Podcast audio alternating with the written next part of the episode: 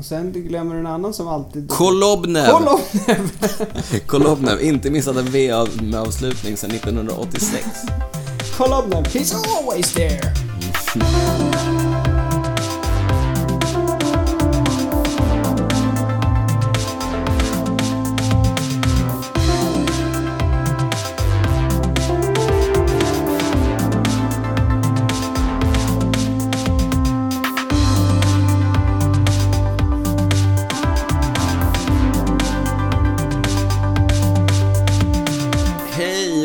Välkomna till det åttonde avsnittet av Cykelwebben-podden. Som vanligt med mig, Daniel Rytz, och med dig, Niklas Hasslum. Vi Hej! har- Tjena Niklas! Vi har ett lite speciellt avsnitt idag. Det är nämligen så att vi inte sitter tillsammans i Cykelwebben-podden-studion. Nej, den eh, världsberömda Cykelwebben-podden-studion får vila idag. För Ja. jag är på Teneriffa. Det är skönt för dig. Mm. Men eh, med teknikens hjälp så är vi, hamnar vi ändå så här nära varandra. Ja, vi hoppas det låter bra och att det kommer funka bra. Ja, vi är vana vid att spela in i studio tillsammans, men det här är en lite ny teknisk övning för oss, så vi hoppas att ni har lite överseende med om vi låter lite annorlunda än vanligt, men det ska vi nog få till, hoppas vi.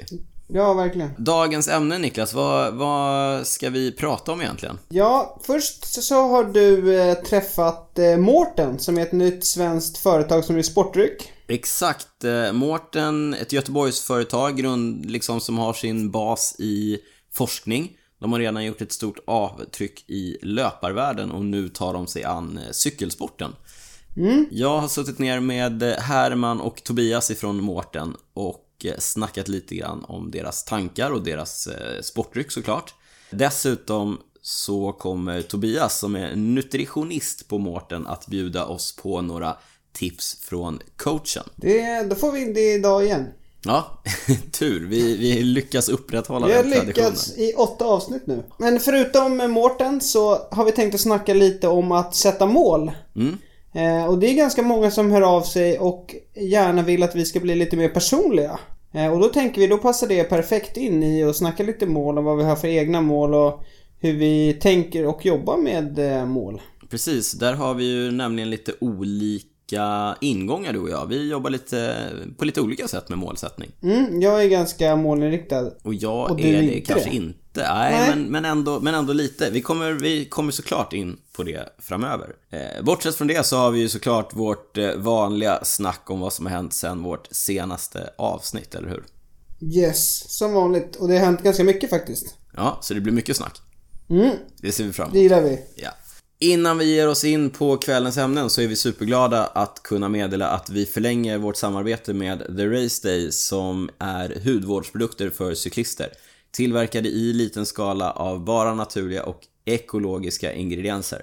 Ja, och eh, vi har sett till så att alla våra lyssnare som eh, går in på theraceday.se och anger rabattkoden RACEDAY plus CVP, alltså plus då som ett, som ett plus, helt, enkelt. Ja. Då får man 20% på allt man väljer att shoppa på theraceday.se. Så klicka in där och kolla vad de har i sitt utbud. Precis, så eh, surfa in på theraceday.se, använd rabattkoden RACEDAY plus CWP och få 20% rabatt. Tipsar eh, lite extra om de snygga strumporna som eh, nu finns i begränsad upplaga.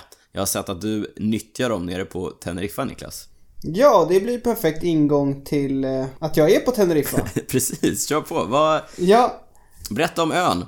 Ja, nu har inte jag sett så mycket av ön ska jag säga. Så jag kom hit i tisdags och idag när vi spelar in så är det lördag. Mm. Eh, Så jag har varit här några dagar.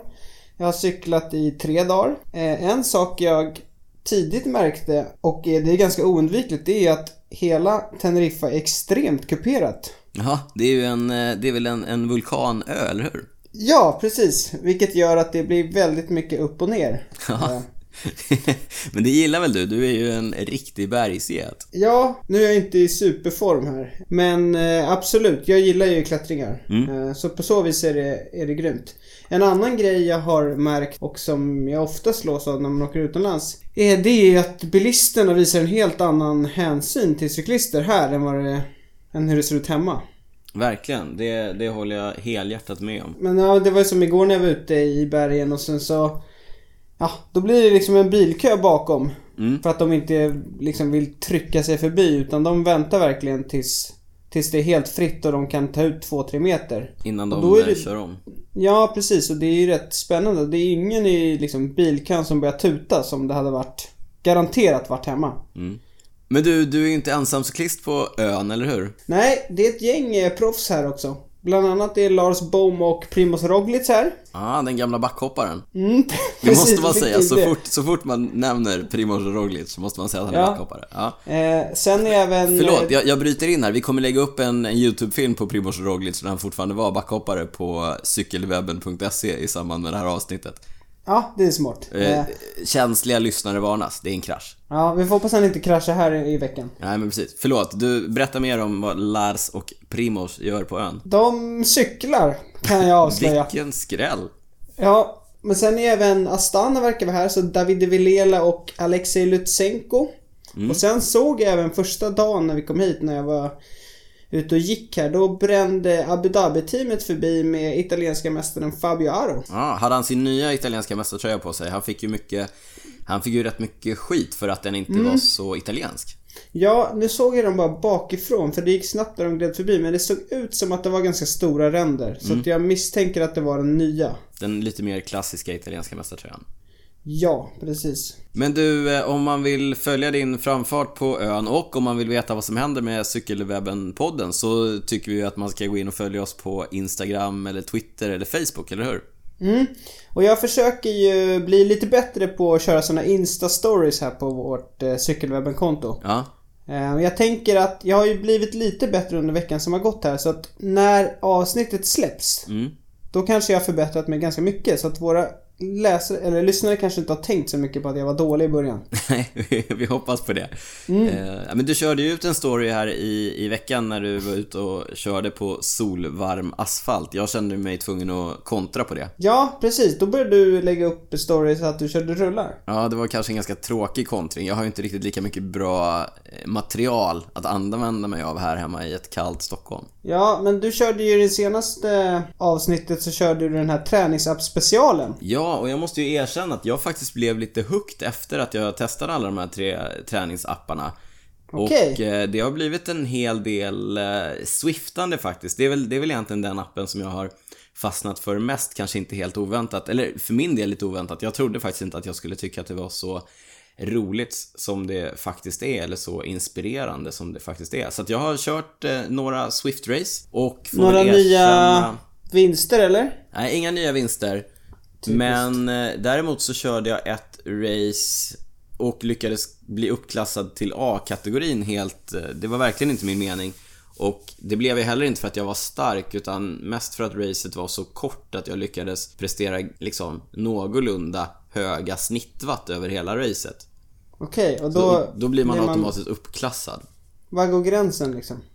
4 watt per kilo tror jag man ska snitta om man ska bli uppflyttad i A-kategorin. Och A är den högsta. Det är den högsta. Och det Det är lyckades... elit. Det är elit. men det lyckades jag då göra. Men, men racet var ju typ 10 minuter långt och så, så länge kan jag pressa mig eh, över de siffrorna. Men, men det kändes lite konstigt för att över längre tid så tror jag att jag skulle ha svårt att hålla de siffrorna. Men vadå, var det bara nuläget. 10 minuter? Ja men det var ett intensivt och kort race.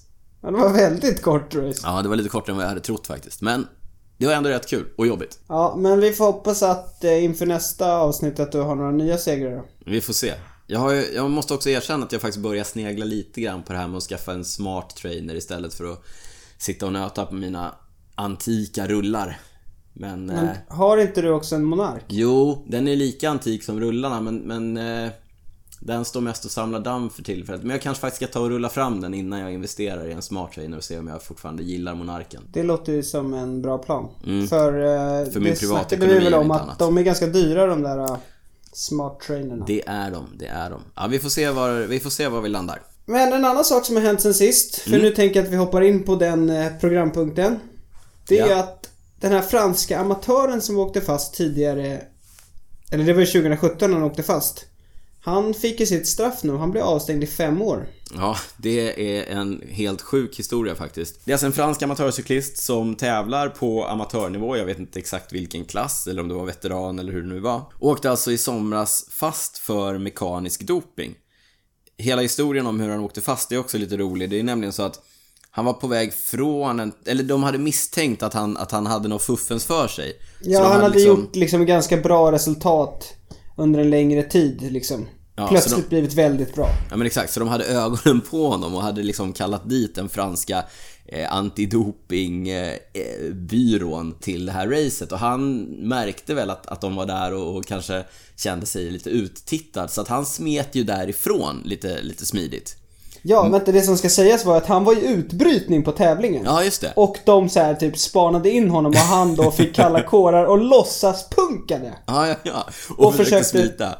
Ja, packa in i bilen och dra därifrån. Men, men det hade han inget för, därför Nej. att Christophe Basson, den gamla proffscyklisten som redan under sin aktiva tid var väldigt sådär eh, uttalad mot doping och han hamnade ju lite grann i frysboxen på grund av det. Eh, Eftersom han då också körde i det, det ökända Festina-stallet. det är inte ett bra ställe att vara på om man, om man var uttalat mot doping på 90-talet. Men Basson jobbar alltså idag som antidopingkommissarie, eller vad man ska säga, i, i Frankrike. Och han var den som var på tävlingen och spanade efter den här mannen som nu då är avstängd. Basson kastar sig in i bilen och jagade efter honom. Ja. Som en riktig actionrulle. Ja, jag fick fatt på honom där och, och plocka ut honom och det finns bilder när de står och tittar på hans cykel och så vidare och det finns väl dokumenterat. Vi kan länka från, från cykelwebben.se. Men, men som sagt, eh, åk dit, fått sitt straff, fem år får han inte racea och hålla på. Det tycker vi är toppen, men vi tycker samtidigt att det är helt sjukt att någon på den nivån går till den liksom, typen av ansträngning för att fuska och vinna amatörrace. Eller? Ja, ja, verkligen. Men vi sa ju också att det var för att han hade gjort eh, några bra resultat. Det var ju också att han hade haft en ganska dyr liksom, kolfibercykel. Mm. Men den hade han övergett och plö- plötsligt börjat köra på någon liksom gammal, jag vet inte om det var i aluminium, men någon liksom sämre hoj. Och då plötsligt kom resultaten. Han bara “It's not about the bike”. Nej, precis. Så han hade väl liksom eh, fixat någon gammal... it's not eh, about the bike, it's about the engine, eh? Ja, precis. Så att, Ja, ja, fem år i alla fall. Sjuka grejer. Vi, vi fortsätter väl på, på prylspåret. Vi, eh, jag tror att det var i vårt första avsnitt faktiskt som vi pratade om den här lite speciella cykeln 3T Strada som Aqua Blue Sportstallet kör på, eller hur? Ja, det var i pilotavsnittet. Mm. Och jag tror att jag sågade den. Du floppade den. Ja. Nu kan man säga att du lite grann har fått eh, din, din, din eh, spådom kom på skam. Därför Ja. att eh, första segern är nu tagen på en 3T Strada. Mm, det var i andra etappen av Herald Sun Tour i Australien som Mm. Lasse Norman Hansen vann en, en lite mindre klungspurt. Ja, de var i utbrytning, men Mm. Lasse tog hem den spurten på sin 3T Strada. Eh, Det var ju ändå en lite kuperad etapp och han vann på en spurt, vilket betyder att han var ju tvungen att hantera lite olika situationer med sin eh, singelklinga. Ja, nej men, eh, ja, vad det ska jag sa vi säga? inte. Det sa vi inte. Det, det, det som är speciellt är ju att den, den inte har någon framväxel utan bara en, Nej, en precis. enkel Nej, men nu, vi tar för givet här att alla har lyssnat på alla avsnitt. Ja, har de inte gjort det så tipsar vi om att gå in på Soundcloud eller iTunes eller där de lyssnar på poddar och lyssnar på alla avsnitt, eller hur? Mm. Men det jag känner lite, lite till mitt försvar är att de har inte tagit någon seger på World Touren. Nej, okej. Så Harold Suntour, det räknas knappt, Nej, eller det räknas knappt. Det var ju bara Mitchelton Scott som var där med Ja, ja, ja. Men, men värt att notera. Eh, Lasse hade satt på en 54-klinga för att få lite extra push. Och eh, som kassett hade han en 1136. Eh, Och en 5436 är ungefär, jag har räknat igen. Det är ungefär samma utväxling som 3926. Så att det är fortfarande en ganska lätt växel och en 5411 det är ju en, det är ju en rejäl växel. Så att Mm, ja verkligen. Stort omfång men gissningsvis ganska stora hack mellan varje växel. Men det hindrade alltså inte Lasse för, från att eh, ta hem segern. Nej, grattis säger vi. Ja, och succé för 3T Strada, eller hur Niklas? Mm, en tidig succé. Vi får se om det håller i sig. Yes. Jag älskar ju prylarna så att jag fortsätter med, med ännu mer prylsnack ifrån veckan. Två, Mm. två saker som jag har sett dyka upp. Dels så har Specialized släppt eh, ett par, en ny version av sina S-Works dojor, alltså deras toppsko. Och jag måste säga att det är inte ofta längre jag blir så här tycker wow om, eh, om prylar. Men de där dojorna, riktigt nice faktiskt. Är det de vita? Ja, det säger inte så mycket, men ja, de är vita. Jag har sett tre versioner. Ett par vita, ett par svarta och ett par som fejdar från neongul till orange. Men, men igen, det är ju en, det är ju en eh, vidareutveckling av deras eh, S-Works-sko som har varit med eh, ganska länge. Och jag satt och tittade igenom lite gamla bilder här. Jag var nämligen på Specialized eh, pressträff när de presenterade sina nyheter inför, det kan ha varit 2014 kanske. Det var länge sedan. Då var jag i eh, Snowbird i Utah och eh, såg när de presenterade den första versionen av den här S-Works-skon. Då fick jag också se lite prototyper på skor som hade liksom lett fram till den slutgiltiga skon. Och det var en, det ganska spännande för att några av de där prototyperna var där kunde man liksom se vart de var på väg, men det är möjligt att de hade plockat bort lite features därför att det var svårt att få till i produktion, i massproduktion. Men om man tittar då på hur den har evolverat över åren så ser man att de faktiskt närmar sig de där prototyperna lite mer.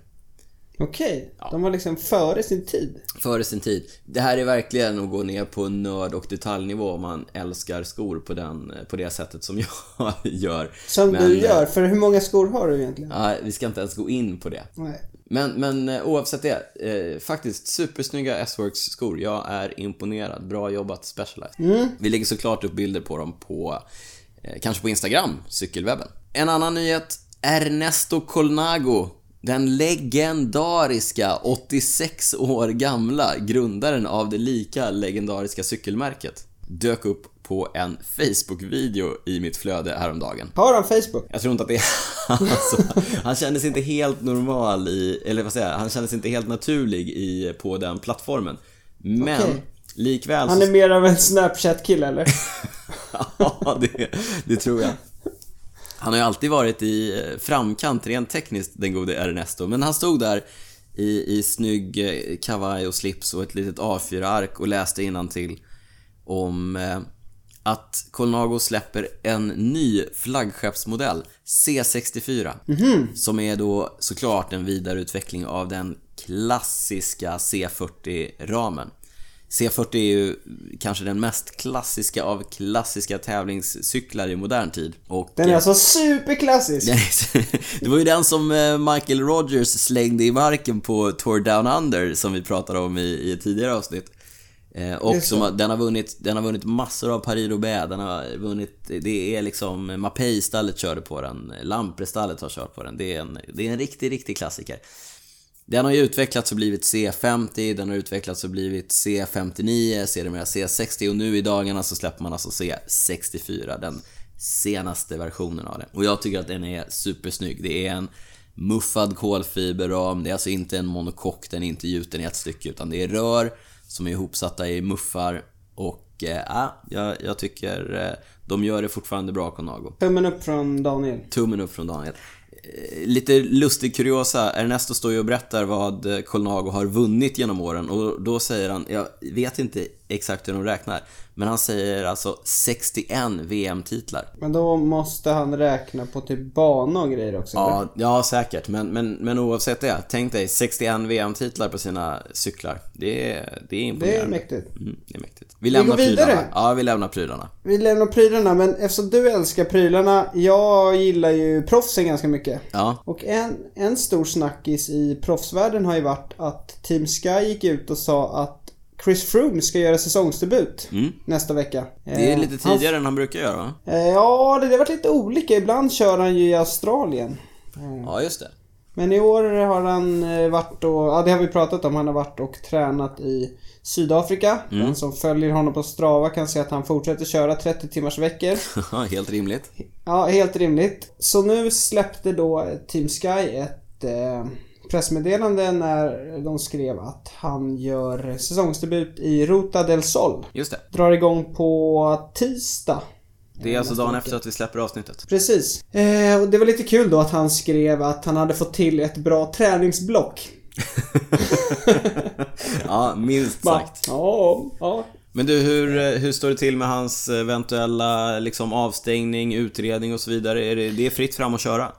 Ja, det är ju det för att han är inte avstängd av UCI. Eh, och sen är ju det är liksom upp till Team Sky om de vill stänga av honom och det har de uppenbarligen inte velat göra.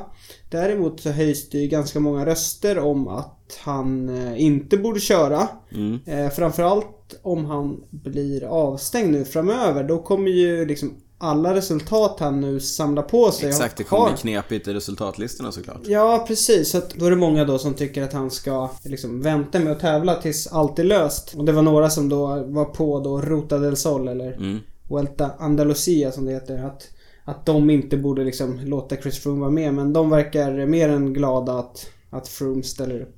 Såklart. Såklart. Det är fantastiskt för vilken tävling som helst att få en sån Mm. cyklist på startlinjen. Du, inför det här med säsongstarten och, och, och eh, tävlingar och så vidare.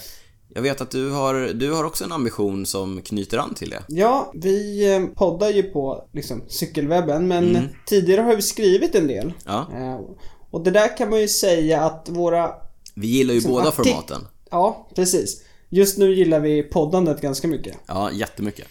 Eh, och, och vår, vår liksom, eh, frekvens av skrivna artiklar går lite upp och ner kan man säga. Mm. Men, men i år så har vi tänkt att det ska bli lite, lite bättring på det. Så vi har redan skrivit några införartiklar och hoppas kunna fortsätta med det. Framförallt på de större tävlingarna. Vi kanske kan försöka skriva inför artiklar på sådana tävlingar som går att följa i Sverige. Så att det, där det kanske finns ett större intresse för våra läsare och lyssnare att eh, läsa på lite inför, eller hur? Absolut. Och Eurosport sänder ju de flesta World Tour-tävlingarna i alla fall. Precis. Eh, och sen sänder de, de sänder ju ganska mycket. Eller Eurosport är ju svinbra när det kommer till cykling. För, Ja, det är ju ett eh, tips från Cykelwebben-podden. Skaffa Eurosport om ni gillar cykel. Ja, precis. Eurosport Player. Jättebilligt och Jättebra. smidigt. Och det har faktiskt eh, varit säsongspremiär för cykel på Eurosport. Mm. Det var ju förra veckan var det Volta a la Comunitat Valenciana. Ja. Valverde tillbaka som vinnare. Alejandro.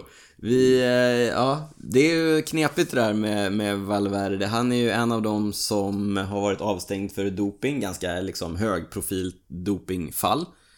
Men han är också en av dem som vi gillar att se på tävlingsbanorna. Det är tudelat det där. Ja, alltså han är ju en extremt rolig cyklist att se. Men som sagt, han har ju varit avstängd, jag tror att det till och med var två år va? Mm. Men ja, precis som du säger, det är ju svårt det där för att man får ju olika relation till olika cyklister. Och vissa cyklister som liksom ertappas med doping eller ryktas vara dopade och sådär har man överseende med medan man ja, har en helt, helt annorlunda syn på andra cyklister.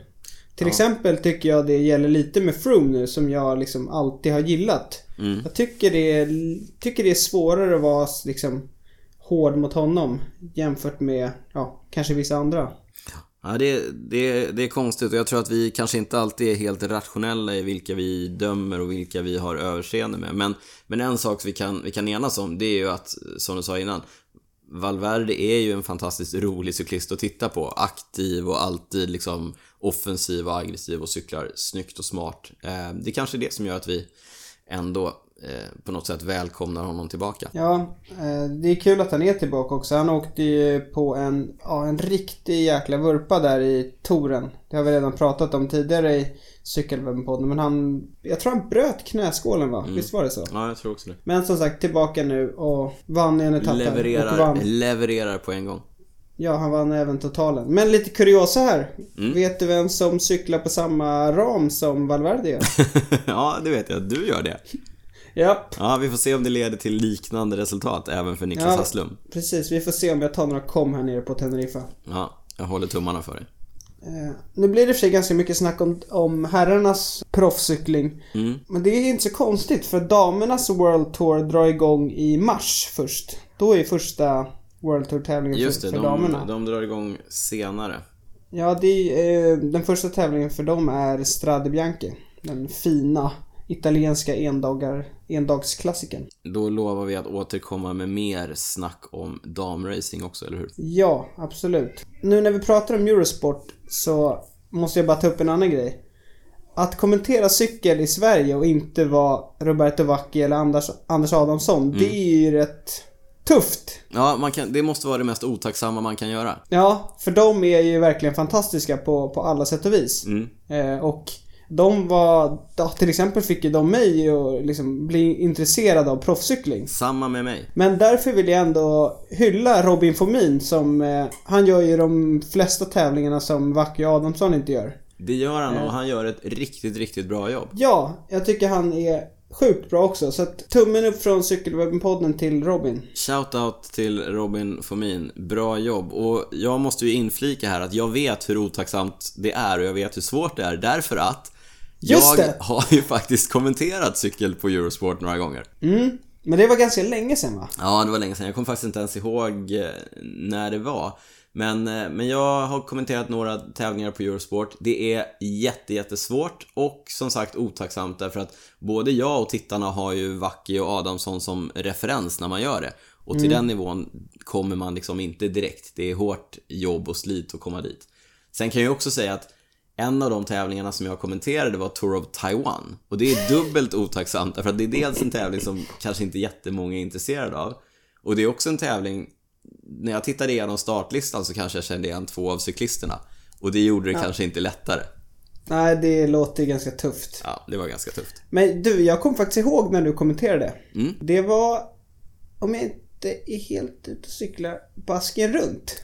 Det kan stämma, för jag vet att jag kommenterade en tävling där Nairo Quintana gjorde ett av sina första riktigt stora resultat på ett, eh, på ett tempolopp. Och jag blev superförvånad över en sån här liten colombian som kom och körde riktigt bra på ett tempolopp. Men eh, ja, det, det kan nog stämma. Hade du koll på dem innan? Ah, jag hade väl, eh, nej, nej, det hade jag nog inte. Jag erkänner. Så har vi colombianen Quintana här. Quintana här, han går bra. Jag kommer ihåg att han hade jättehöga skoöverdrag. Det, det kör han ju alltid på tempo, Quintana. Ja, han brukar köra, precis. Han kör jätte, jättehöga. Mm. Det är ganska kul när han ofta brukar leda girot också, som de är i rosa. Som är rosa och superhöga. Ja. Ja. Jag, jag ska inte gnälla på höga strumpor, jag gillar höga strumpor. ja, det gör det faktiskt. Vi, vi går vidare och jag knyter an till Anders Adamsson som jag har nämnt här. Därför att en sak som har hänt sen vi släppte vårt senaste avsnitt, det är att det har dykt upp en massa andra svenska cykelpoddar. Mm, men då är frågan, hur knöt du det till Anders Adamsson? Jo, därför att pionjären inom svensk cykelpoddning får nog ändå sägas vara eh, Anders Adamsson som har kört cykelradion i, i flera år tillsammans med eh, Thomas Jennebo tror jag. Och, eh, nej men som sagt, de hänger ju i eh, för fullt och kör på med, med cykelradion. Eh, så att, eh, cred till, till Anders som, som liksom drog igång cykelpoddandet på svenska. Mm. Och, eh, men som sagt, sen, sen vi släppte senast så har det alltså dykt upp inte mindre än tre nya poddar. Det är eh, Cyklistpodden med Katja Fedorova och Anna Lindén. Det är cykelkatten. Exakt. Från Västerås va? Mm, precis. Sen har vi Cykelpodd med Elna Dahlstrand och Helena Enqvist. Där Elna väl sitter i Jönköping, Huskvarna-trakten. Ja, jag tror det. Mm. Och Helena lite mer norrut. Mm, Hon knyter ihop hela Sverige där. exakt. Och sen avslutar vi med en, en skånsk podd, Gott Snack-podden. Som inte är en, det är ingen ren cykelpodd utan eh, det är den gamla 90-tals mountainbike-legenden Johan Malmsten, också känd under namnet Chipskungen. Okej. Ja, ja vi kan, vi, jag vet inte om vi får möjlighet att återkomma till vad det kommer ifrån vid tillfälle. Hoppas det, för det Mm. låter rätt kul. Och hans, ja, Johan har gott om anekdoter att, dela med sig av.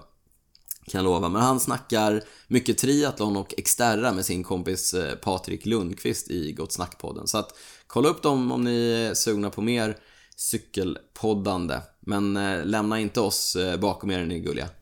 Nej, med risk för att stå med dumstrut här. Vad Mm. är Xterra för något? Ja, bra att du frågar. Bra fråga. Det är eh, terrängtriathlon. Så att det är, Okej. det är simning. Den är väl inte så mer terrängig än annan simning. Men sen Fors- är det forsränning.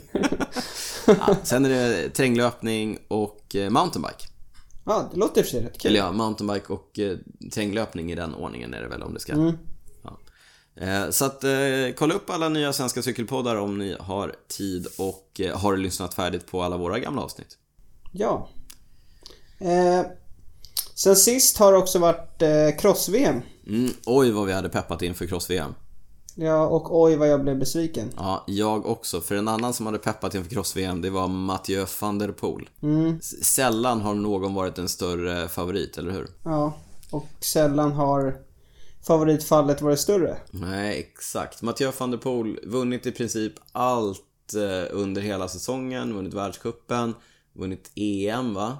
Leder Ja, världscupen. precis. Och eh, såklart stor favorit på startlinjen och märker ganska fort att det är inte hans dag. Nej. Och det ska sägas också att det var ju på hemmaplan. Det var i Holland. I Holland. Han är holländare. Mm. Ja, han har en jättedålig dag. Så han blir till slut, efter mycket om och men, trea. Men vinner gör Wout van Aert. Starkt av eh, Wout van Aert som har fått spela andra fjol hela säsongen och kliva fram och, och prestera på dagen. Det, Mm.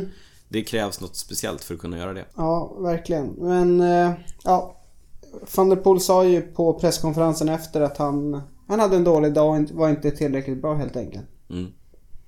Men en sak som eh, det började snackas om efter, det var ju att Wout van Aert körde på 30 mm däck. Det är roligt. Van Aert plockar alltid fram ett litet S ur eh, prylärmen när det kommer till VM. Ja, eller är det han som gör det? Det kan vara hans tränare också. Nils Albert, den Ja. gamla cross... Eh, Räven. ja, precis. Ja, nej, så att eh, det, är nog, det kommer nog mycket från eh, Nils Albert. Förra året, det var ju en, en jätterolig historia. Förra året så plockade ju Albert fram ett par gamla Michelin-däck som, eh, som Wout körde på. Gröna Michelin-däck som blev en riktig snackis efteråt. Det var ju jättemånga som hade problem med punkteringar förra året på cross-VM. Mm, men Wout klarade sig bättre än de allra flesta. Och mycket tack vare de här gamla Michelin-däcken som eh, Nils Albert hade grävt fram. Och det sägs också att det var ju liksom inte Michelin-däck utan det var Michelin eh, mönster, alltså slitbanor som Ja. de hade gått med till Dugast som då hade sytt på dem på, eh, på Dugast-däck. Det, det är så sjukt hur man ens kommer på den tanken. Ja, imponerande av Nils Albert och det, det kanske ger eh, Wout lite mentalt övertag där inför VM. Han har ju vunnit tre i rad nu, det är imponerande. Ja, men nu satsar han på vårklassikerna. Mm. Ja, det ska bli spännande att se hur han eh, klarar sig där. Ja, de har ju fått eh, lite wildcards här till några av de största vårklassikerna så... Ja, det kommer bli spännande. Jag tror inte att vi ska ha för höga förhoppningar på Nej. resultat. När det kommer till Wout van Aert. Ja, men jag är oerhört spänd för att eh, se vad han kan göra. På damsidan så tog eh, Sanne Kant sitt andra raka VM-guld. Mm. Hård fight med Katie Compton. Ja, men hon gick om på sista varvet och sen ja, drog hon bara ifrån. Sjukt imponerande. Ja, i U23-herrarna nästan lika stor besvikelse som Mathieu van der Poel. Ännu ett favoritfall. Tom Pidcock, den unga britten, eh, hade en om möjligt ännu sämre dag än eh, van der Poel och blev typ 16 eller något sånt där. Ja, det som ska sägas i hans försvar, även om han har liksom, han har ju vunnit väldigt många tävlingar i år. Men han är, han är det är första året han kör U23. Han är har 19. Tidigare, ja precis, han har ju kört juniorklassen innan. Så att Mm. Han har några år på sig att ta sitt U23-guld. Det är jag ganska säker på att han kommer göra.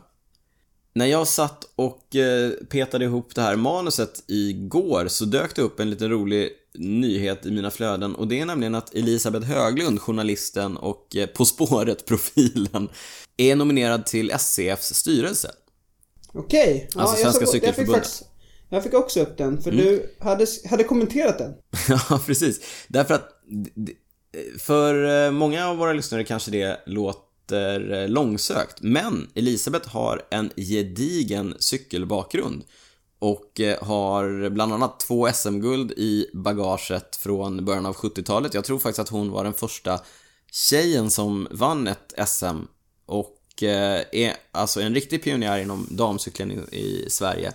Eh, Flera SM-medaljer, hon har kört två VM tror jag och eh, har då eh, som sagt en, en gedigen cykelbakgrund. Det ska bli spännande att se vad hon kan, om hon blir invald först och främst, men sen då se om, vad hon kan bidra med i styrelsearbetet. Ja, ja, grejen var att jag såg också den här artikeln i mina flöden så jag liksom klickade in och så hamnade jag på någon artikel där om eh, att Chris Froome hade vunnit touren och Weltan. Mm. Och då, då skrev jag att hon har inte missat en enda etapp. Hon Nej. sitter och kollar på liksom varenda etapp. Ja men det är härligt. Någon som är, någon som är lika engagerad som vi i cykelsporten. Ja, Däremot så kan vi konstatera att Elisabeth inte lyssnar på Cykelwebben-podden. Därför att jag klickade också in på hennes blogg. Och där kunde jag läsa att eh, vi i Sverige bara har ett enda herrproffs på högsta nivån. Och det vet ju alla inte. våra lyssnare att det stämmer inte, för vi har ju två. ja. Och ett utav dem har till och med varit med i podden. Exakt. Så att vi, vi tipsar Elisabeth om att börja lyssna på Cykelwebben-podden. Men det var ju det var inte det hon ville säga, utan hon ville ju peka på att vi har väldigt många duktiga tjejer. Vi har fler tjejproffs än herrproffs. Och Exakt, det stämmer ju helt och hållet. Och där, det tycker jag är en viktig poäng som hon gör. Men vi går vidare in och pratar duktiga tjejer. Det har ju också varit Parasportgalan och där har cyklingen kammat hem stort. Ja, två Två utmärkelser. märkelser. Precis. Årets kvinnliga idrottare var eh, Anna Bäck, den värmländska eh, cyklisten. Hon hade ju ett Från eh, fantastiskt... eh, CK Skoghall va? Skoghall CK. Skoghall CK, så säger Ja. man. Hon hade ju ett fantastiskt 2017 med, eh, jag tror, silver på tempoloppet och guld i eh, linjeloppet från VM. Och flera fina eh, framgångar i världskuppen. Årets kvinnliga cyklist alltså. Vi ska försöka få till en intervju med Anna framöver, se om vi kan lyckas med det här på, i Cykelwebben-podden. Ja. Utöver det så fick också Mikael Lindgren pris för årets ledare. Och eh, välförtjänt såklart. Eh, Micke som tävlade flitigt i seniorklassen när jag började tävla tidigt eh, 2000-tal. Okej, ni har tävlat mycket mot varandra. Vi har tävlat mot varandra. Men sen dess har han växlat ner sitt eget tävlande för att eh, bygga upp paracyklingen i Sverige. Så att eh, eh, härligt att se att eh, det jobbet belönar sig även eh, att han får erkännande då ifrån eh, på Parasportgalan. Jätteroligt. Stort grattis till både Anna och Micke. Ja. Ja men med det så tror vi att vi väl har täckt in det mesta som har hänt sen vi släppte avsnitt sist och eh, kastar oss in i dagens ämnen.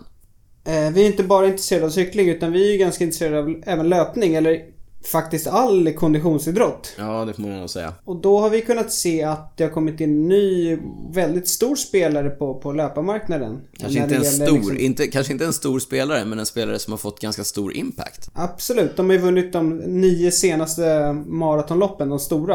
Eh, Ja. Och det är ju Mårten. Precis, ett nytt svenskt företag som tillverkar en sportdryck som de själva säger är eh, revolutionerande. Och eh, då blir vi ju såklart nyfikna och än mer nyfikna blev vi när vi noterade att de var med EF Education First-stallet nere i Girona på deras träningsläger. Därför att där har de gått in nu som sponsor för just sportdryck och eh, näring, nutrition eh, i stort. Så att eh, vi hörde av oss till Mårten och jag har satt mig ner och intervjuat Herman och Tobias ifrån bolaget för att höra lite mer om vad de håller på med helt enkelt. Och visst är det så att då har vi även fått en tips från coachen. Bra, bra Niklas, exakt. Vi, jag bad ju eh, Tobias där som är nutritionist på Mårten om eh, hans bästa tips för oss vanliga motionärer eh, gällande just näring och så vidare. Så att eh, vi rullar väl den intervjun och ser var vi landar. Yes. Ja men sådär, då är vi i, i fältet. Nej, vi är på Skype eh, och jag har med mig eh, Herman Reuterswärd och Tobias Kristensson ifrån Mårten. Eh, Varmt välkomna! Tackar, tackar. Tackar. Ni kan väl bara kort presentera vad ni gör på, på Mårten innan vi ger oss in i, i vad Mårten är. Ja, jag och Herman då sitter med så att säga, kommunikationsdelen men även mycket mer samarbete med andra lag och organisationer som vi på Mårten jobbar med. Mm. Och jag Tobias jobbar här som eh, idrottsnutritionsrådgivare och har, kan man säga, mycket kontakt med atleter och medicinska team eller vad det nu kan vara. Men också lägger eh, strategier och nutritionsstrategier för atleter i olika eh, idrotter, olika miljöer. Ja, vad spännande. Då känns det som att vi täcker in ett, ett brett spektrum av, eh, av vad ni gör. Eh, och vi har ju också att ni, eh, ni eh, är ju starkt förankrade i västkusten båda två. Det, det känns tryggt för mig som är från, från de trakterna också. Mm. Mm. Begripligt. Ja. Ja, det är skönt. Eh, men om vi, vi börjar med, och det kanske är mer Hermans område då, berätta lite kort om, eh, om vad Mårten är och, och eh, berätta lite kort om företaget. Ja, det är, det är ett ganska ungt företag.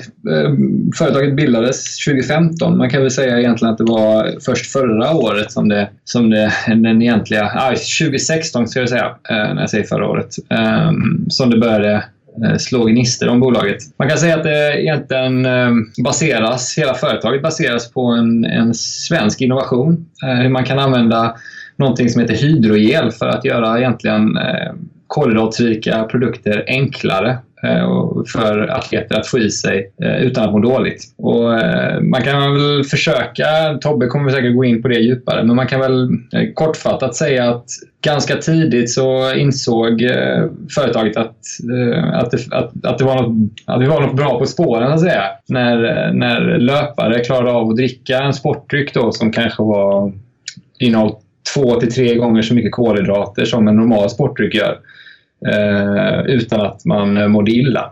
Och det har alltid varit liksom det här illamåendet eller magproblemen har varit som en kan man säga, eh, flaskhals i, i atleters försök att få tillräckligt med energi. Men det var just den här hydroelen då som verkar göra att vi har lyckats hitta en lösning på energiproblematiken. Och det har ju öppnat upp väldigt stort intresse från, från konditionsidrottare från många olika sporter. Men allting kan man säga började i löpningen när vi genom ett forskningssamarbete kom i kontakt med Kenenisa Bekele som eh, de i friidrottsintresserade lyssnarna kanske känner igen eh, som en av... Ja, till och med jag känner igen, eh, känner igen det namnet. Ja, han, han är ju en av de, här, de stora namnen, stora stjärnorna på friidrottshimlen. Nu lever han ju fortfarande, men, men han, han gick ju från banlöpning till maraton. Hade varit inte jättelyckad på eh, maratondistansen. Eh, förrän, och varit ganska skadedrabbad hade han också varit. Men han hade på grund av det gått in i ett forskningsprojekt helt enkelt där han skulle försöka eh, modernisera sina, sitt, sina, så att säga, sitt sätt att träna och förhålla sig till sin kropp. Och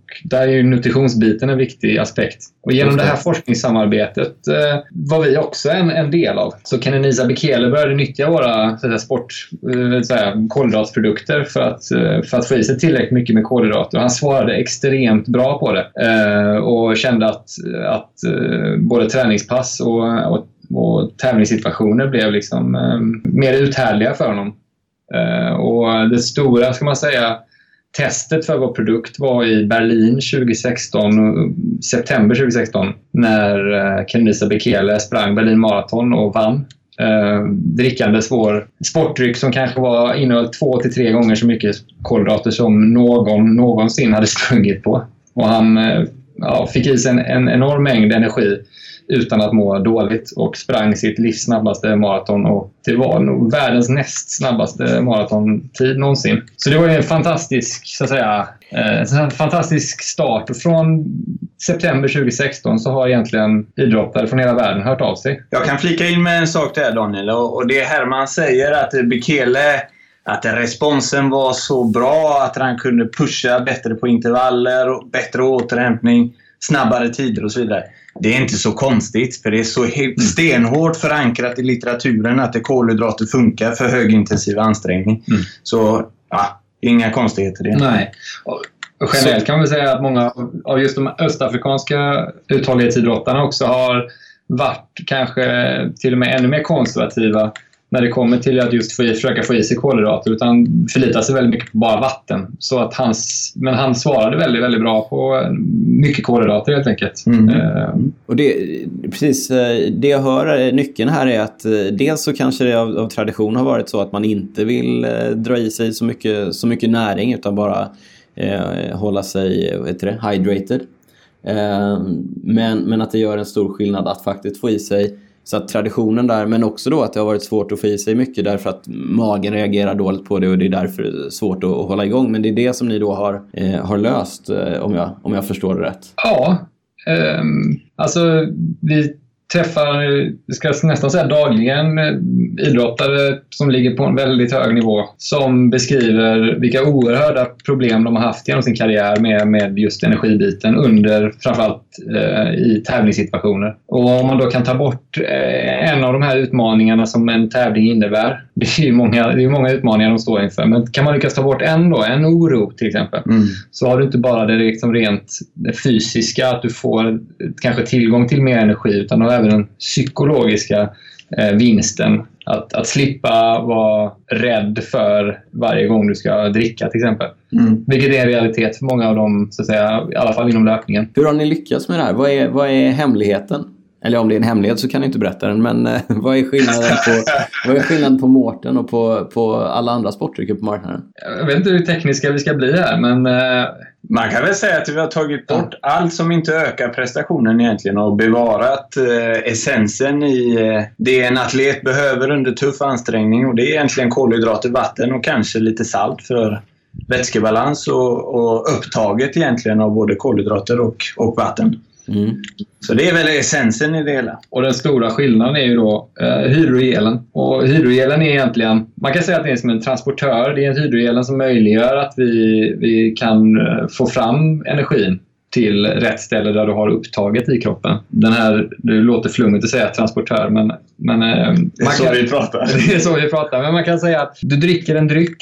När den här drycken når magsyran så sker det en liten reaktion med vår dryck. Den går alltså från att vara flytande till en geléform kan man säga. Och den här geléformen, eh, att, den bildar, att det blir en geléliknande massa i magsäcken istället för att vara en eh, flytande vätska beror på eh, att två, två av våra ingredienser, eh, två eh, så här, kostfibrer som heter alginat och eh, pektin reagerar tillsammans. Och när de reagerar så bygger de en, eh, en, en struktur som man kan likna med en kökssvamp. Nu blir, det, nu blir det lite kemi här för, för lyssnarna. För, ja.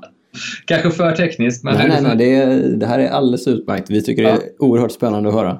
Vi ska inte förenkla för mycket. Nej. Men, men den här strukturen kan man säga eh, kapslar eh, en del av kolhydraterna och, och funkar då som en form av transportör vidare mot tarmen egentligen. Och det är i tarmen du vill ha kolhydraterna och det är där du vill ha saltet och det är där du vill ha vätskan. Du vill inte ha det i magsäcken för det är inte där du har så att säga, upptaget. Så, eh, och det är ofta i magsäcken som problem börjar uppstå normalt sett. Ja, just det. Så att man, eh, de här två ingredienserna gör egentligen då att, att, eh, att näringen kommer ut i kroppen där den, där den gör nytta och is- istället för eh, skada då på något sätt. Ja, alltså nästan all, allt upptag sker i, i tunntarmen. Så det är dit vi vill ha näringsämnena på ett så bra sätt som möjligt. Och magsäcken, där den här reaktionen sker, Eh, är till för egentligen, det ska vara en första barriär från det vi stoppar i oss. Mm. Så det har man löst ett bekymmer som är väldigt prevalent eller väldigt, väldigt vanligt förekommande hos atleter. Ja, intressant. Men om vi, om vi går vidare då och tittar på... Eh, nu, nu pratar vi om Kenenisa Bekele och vi pratar om eh, maratonlöpare på, eh, på den absoluta världsnivån. Hur mycket skillnad gör det för en, för en vanlig motionär som kanske ska köra Vätternrundan? Liksom? Hur, hur stor nytta har man av en, av en bättre sportdryck om man kör eh, 30 mil runt Vättern? Japp, japp, japp. Eh, alla idrottare på alla nivåer behöver ha eh, energi och behöver rätt form av energi. Och, och vi vet att eh, energilagren i kroppen ser väldigt olika ut beroende på vilken energiform det är. Och när det gäller kolhydrater så har vi ett väldigt begränsat förråd. Och därigenom är vi egentligen under så här långa ansträngningar så är vi helt beroende av tillförsel utifrån.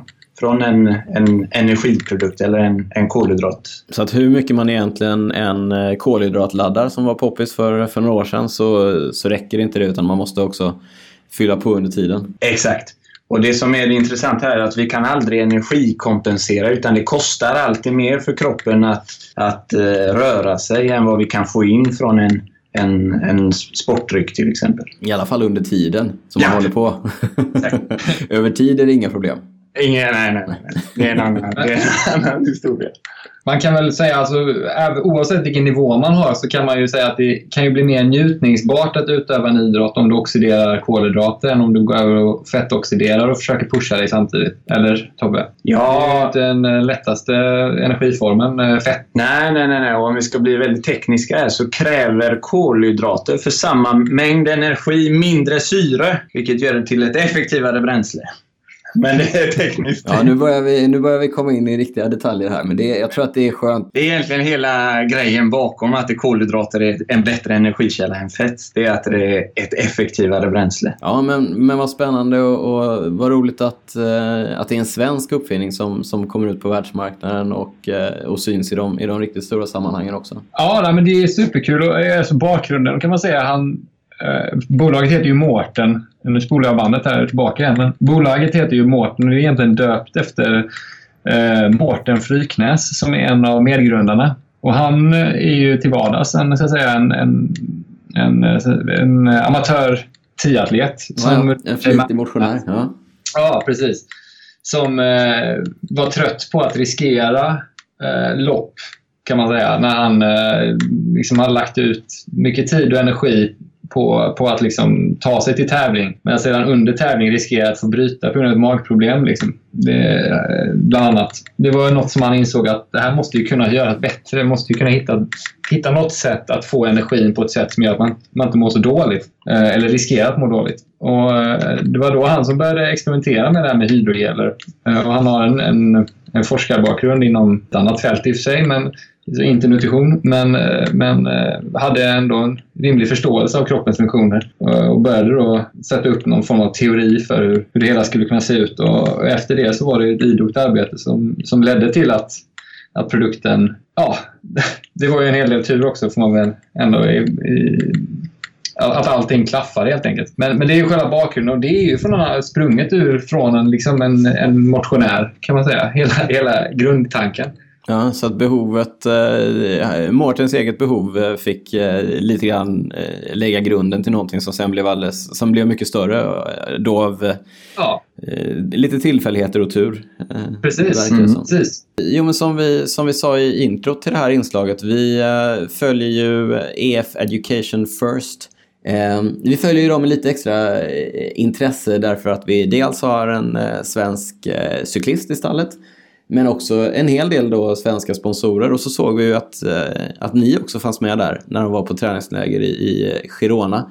Ehm, och det är ju lite ingången här. Nu ger ni er in i en till eh, idrottsvärld, cykelvärlden. Och lite grann vad, hur, hur, ser ni, eh, hur ser ni den framtiden för er? Vi har ju fått väldigt mycket kunskap och ingångar och kontakter och erfarenheter från just löpare på väldigt, väldigt hög nivå. Och nu, nu tar vi väl ett försök in i cykel att försöka skapa samma kunskapsbas och tillsammans med EF Education Draypack Powered by Cannondale om man nu ska följa alla regler Ja, ja, som ja. finns. Ja, det är bra. Sådana här stall. Men, eh, men så ska vi väl försöka lära, förstå och kunna hitta nya lösningar som just gagnar cyklister och, de förutsättningar som cyklister är under. För det är klart att det finns grundläggande behoven är Samma. är de samma. Men vi ska nog kunna hitta smarta sätt att, att eh, hitta cykeln, så att säga, heliga graler i- inom området också.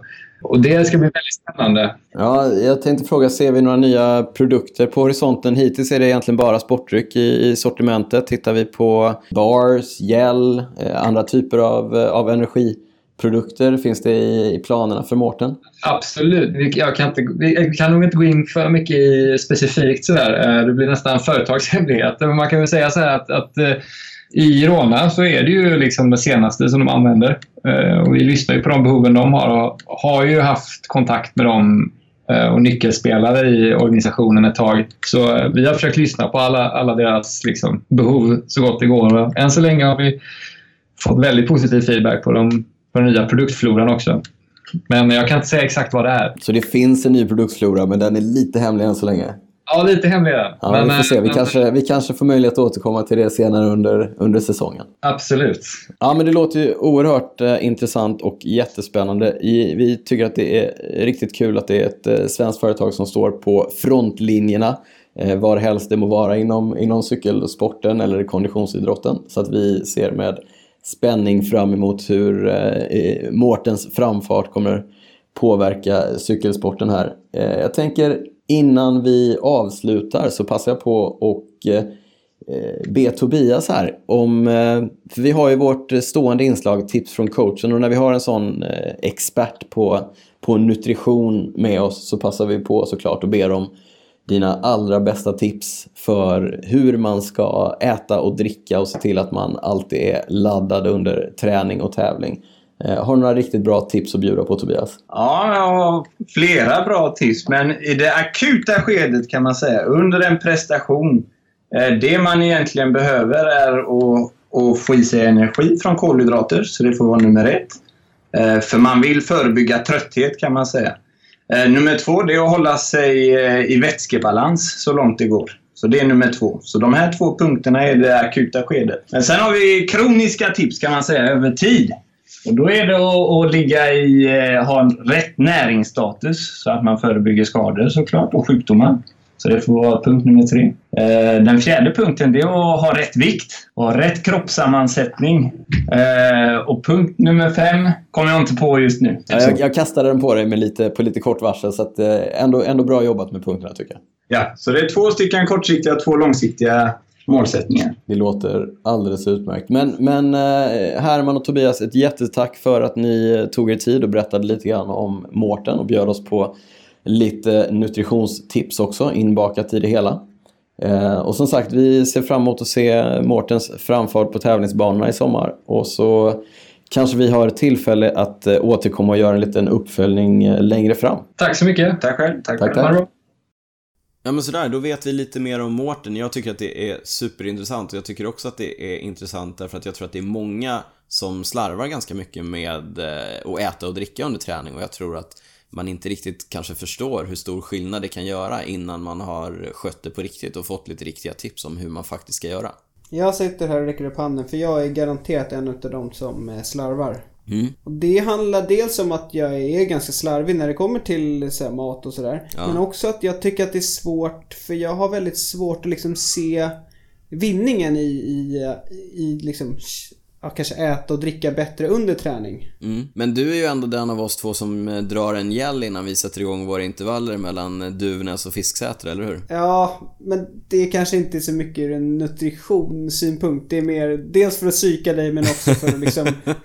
är det din mentala någon... krigföring mot mig? Ja, lite, ja, också få någon slags ego-boost att känna att man har ett litet övertag. Ja, men vi, vi ska, vi lyssnar på Tobias tips och vi ser om vi kan få möjlighet att återkomma till Mårten och se om vi kan göra lite test och själva då få uppleva hur stor skillnad det kan göra med en bättre eh, nutritionsstrategi. Ja. Och häng med på den här övergången. När man, eh, om man har en riktigt bra nutritionsstrategi, nu, jag vet inte, då kanske det kan hjälpa en att uppnå sina mål. Vad säger du om den? Jo, absolut. Eh, och då kommer vi in på kvällens sista ämne. Ja. Och det var, jag sa ju det i början att det är ganska många som hör av sig och gärna vill att vi blir lite mer personliga. Mm. Dela med oss av tankar om vår egen träning och tävling kanske. Det är ingen som har sagt, men vi tar för givet att det är det de menar. vi tolkar det på det sättet. Ja. ja, precis. Och jag tror jag frågade dig för några veckor sedan ställde jag dig mot väggen och så sa jag Daniel, mm. vad har du för mål 2018? ja, och då sa jag så här, jag, jag har inga mål längre. Jag har slutat att sätta upp mål för mig själv. Och då säger jag direkt, Va? Har du inga mål? ja, nej, men vi, det vi kom fram till där är ju att vi är extremt olika när det handlar om, om målsättning och hur man ser på sin träning i relation till, till sina mål. Du är ju mm. å andra sidan supermålinriktad, eller hur? Ja, alltså jag gillar att sätta upp eh, både långsiktiga och kortsiktiga mål och framförallt liksom målsättning när det gäller träning eh, är att jag fungerar absolut bäst då. Mm. Eh, jag, har, jag har väldigt lätt att träna liksom hårt och strukturerat om jag har ett mål. Där skiljer vi oss ganska mycket för du kan ju träna både hårt och strukturerat utan att egentligen ha något större mål. Jag har ett uttalat mål på det sättet för jag, jag rannsakade mig själv lite grann efter att du hade ställt mig mot väggen där. Och, okay. och, och, och kom fram till att Nej, jag sätter nog fortfarande mål, men inte alls på samma sätt som jag har gjort tidigare. Därför att tidigare, och det jag har haft problem med, det är att jag kanske har satt ett mål som du gör, en specifik tävling där jag verkligen, där jag verkligen vill prestera. Mm. Och, och det har erfarenheten berättat för mig att det funkar inte överhuvudtaget för mig. Därför Vad är det då- som inte funkar? jag vet inte, det knyter sig lite. Det blir som för Mathieu van der Poel och för Tom Pidcock.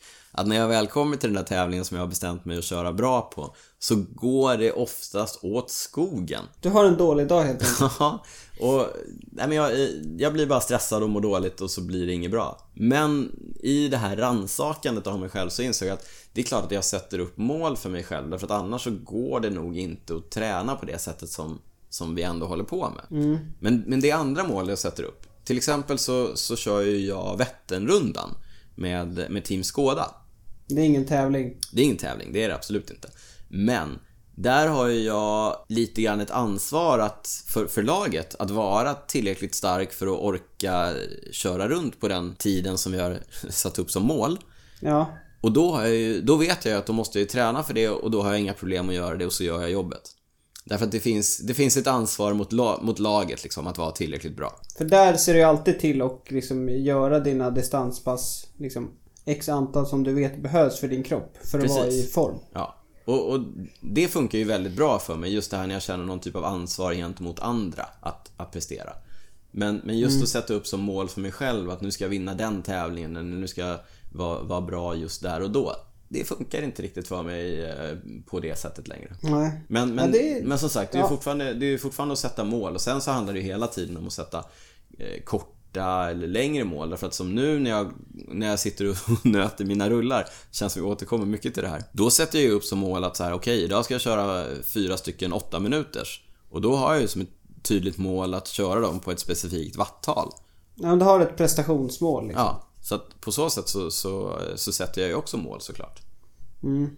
Men du sätter ju upp mål på ett annat sätt. Du väljer ju ut en tävling där du vill prestera och sen så, så tränar du hårt inför, inför det i några månader eller veckor eller beroende på hur stort målet är, eller hur? Ja, exakt. Och så tror jag många funkar också. Mm. Alltså, det är väl, det är lätt, eller det är många som har lättare att, att träna och träna väldigt hårt om man har ett utsatt mål. Eh, och då, jag tycker också att för mig funkar lite den här att tids, eh, liksom, grejen att jag vet att jag måste köra hårt inför det här. Eh, jag vet att jag har liksom någon slags tidspress på mig att få in hårda pass och sådär. Eh, så att det blir lite så här tvång, men det funkar väldigt bra på mig också. Men kanske också att du kör de där hårda passen nu och så vet du att efter att du har kört den där viktiga tävlingen då kanske du kan slappna av lite mer och få, få lite belöning för det hårda arbetet. Ja, precis. Eh, Vi sa ju innan att vi har fått eh, feedback från våra lyssnare som vill att vi ska bli lite mer personliga så det här är väl ett alldeles utmärkt tillfälle att bli lite mer personliga. Vad, eh, vilka mål har du för 2018 Niklas? Ja, jag har ju kommit på det här att nu när jag är nybliven eh, småbarnsförälder Mm. så får man skilja lite på ambition och mål. Just det. Eh, Det är mycket som Det ska ihop. precis. Eh, men ett mål det är absolut veteran-SM Ja. som går i, i Båstad i juni. Över Hallandsåsen. Precis, en kuperad bana som jag tror passar båda oss ganska bra. Mm, det i alla fall. Ja, vi, vi får väl se. Eh, Men så det är ett, ett mål. Ja. Sen har jag som ambition också att köra cross i höst. Just det. Du tyckte att det var superkul att köra en hel cross-säsong, eller hur? Mm. Förhoppningsvis ska jag tävla lite mer i år. Men Mm. som sagt, det är en ambition. Så att ambition och mål. Veteran-SM i slutet av juni och en ambition att köra mer cross. Absolut. Mm. Hur ser det ut för dig? Ja, men jag är också sugen på den där SM-veckan i, i Båstad. Vi, eh, det är ju ett lite nytt grepp ifrån Cykelförbundet. Man kör alla klasser under samma vecka och så brukar det ju inte se ut. Så att eh, Elit-SM, Veteran-SM, Ungdoms-SM, allting går på samma plats samtidigt. Eh, så att jag tycker att det vore kul att vara där och är man ändå där så vore det väl kul att också träna. Så vi får se om, om jag hittar någon form fram tills dess. Sen nämnde jag ju nyss också att jag kör Vätternrundan med Skoda Cycling Team och det ska jag ju också göra och det passar ju ganska bra för det ligger ju ganska nära SM i tid så att lyckas jag komma i form till Vättern så kanske jag kan bibehålla lite form och också köra SM på samma form helt enkelt. Det Just blir... det, när, när är Vättern? Det brukar vara början på juni va? Det är början på juni, så att det är, hinner jag köra Vätternrundan, vila ett par veckor så kanske jag kan hitta en andra lilla formtopp lagom till SM. Exakt. Hoppas på det. Håll tummarna för mig. Vi håller tummarna. Alla lyssnare håller tummarna. Tack. All, all pepp och support uppskattas. Men det var väl lite det vi hade idag tror jag. Jag tror att det var kvällens avsnitt. Vi... För Eh, vi, har, vi har snackat om Mårten, vi har snackat mål och vi har snackat ganska mycket om vad som har hänt sen sist. det har vi verkligen. Och eh, vi har också nämnt att även det här avsnittet sponsras av The Race Day. Hudvård för cyklister. Ekologiskt, naturligt, liten skala. Och glöm inte att eh, våra lyssnare har en rabattkod som ger 20% på alla prylar på theraceday.se. Använd rabattkoden RACEDAY plus CWP när ni beställer så får ni eh, riktigt fina grejer till riktigt fina priser. Exakt, det kan jag säga. Jag har kört med eh, The Race Day strumpor här nu. Mm. På Teneriffa. Tunna och fina, perfekt när det är, vädret är runt 20 grader. Vilka, vilken färg körde du? För vi fick ju vita, rosa och svarta. Ja, jag har bara kört vita. Men nu, Klassiskt. nu tänker du att det kanske är skillnad i prestation på de olika färgerna? Jaha, kan, vi, Ja, kan du göra en utvärdering? ja, det kan jag absolut göra. Mm. Då, då ser vi fram emot det på Instagram där man följer oss på cykelwebben, eller hur? Ja, och sen finns vi även på Facebook, på eh, cykelwebben. Vi finns på cykelwebben.se där ni ska klicka in och läsa våra införartiklar. Ja, och eh, självklart så lägger vi upp lite bilder och länkar och så vidare kring sånt vi har pratat om i det här avsnittet. Vi påminner som alltid om att eh, vi finns på alla plattformar där poddar finns. Men om ni vill gå in på Podcaster eller iTunes och ge oss ett betyg eller ge oss en kommentar kring vad ni tycker om podden så blir vi jättetacksamma. Vi blir också Ja. jätteglada om ni vill höra av er till oss på var ni än vill, men vi finns på mail på info.cykelwebben.se också. Yes. Eh, och nästa avsnitt siktar väl på att släppa om två veckor va? Ja men som vanligt, det känns som vi har en bra frekvens nu så att vi kör väl på. Men, men som Men- sagt, eh, tills nästa gång så kanske vi bara lämnar eh, lyssnarna med vår magiska jingel som vanligt, eller? Det tycker jag. Christer Wahlberg har gjort den. Fortfarande Den funkar fortfarande. Tidlös. Vi älskar vår jingel. Yes. Vi rullar Men eh, ja, ha det bra. Hej då. Tack för idag.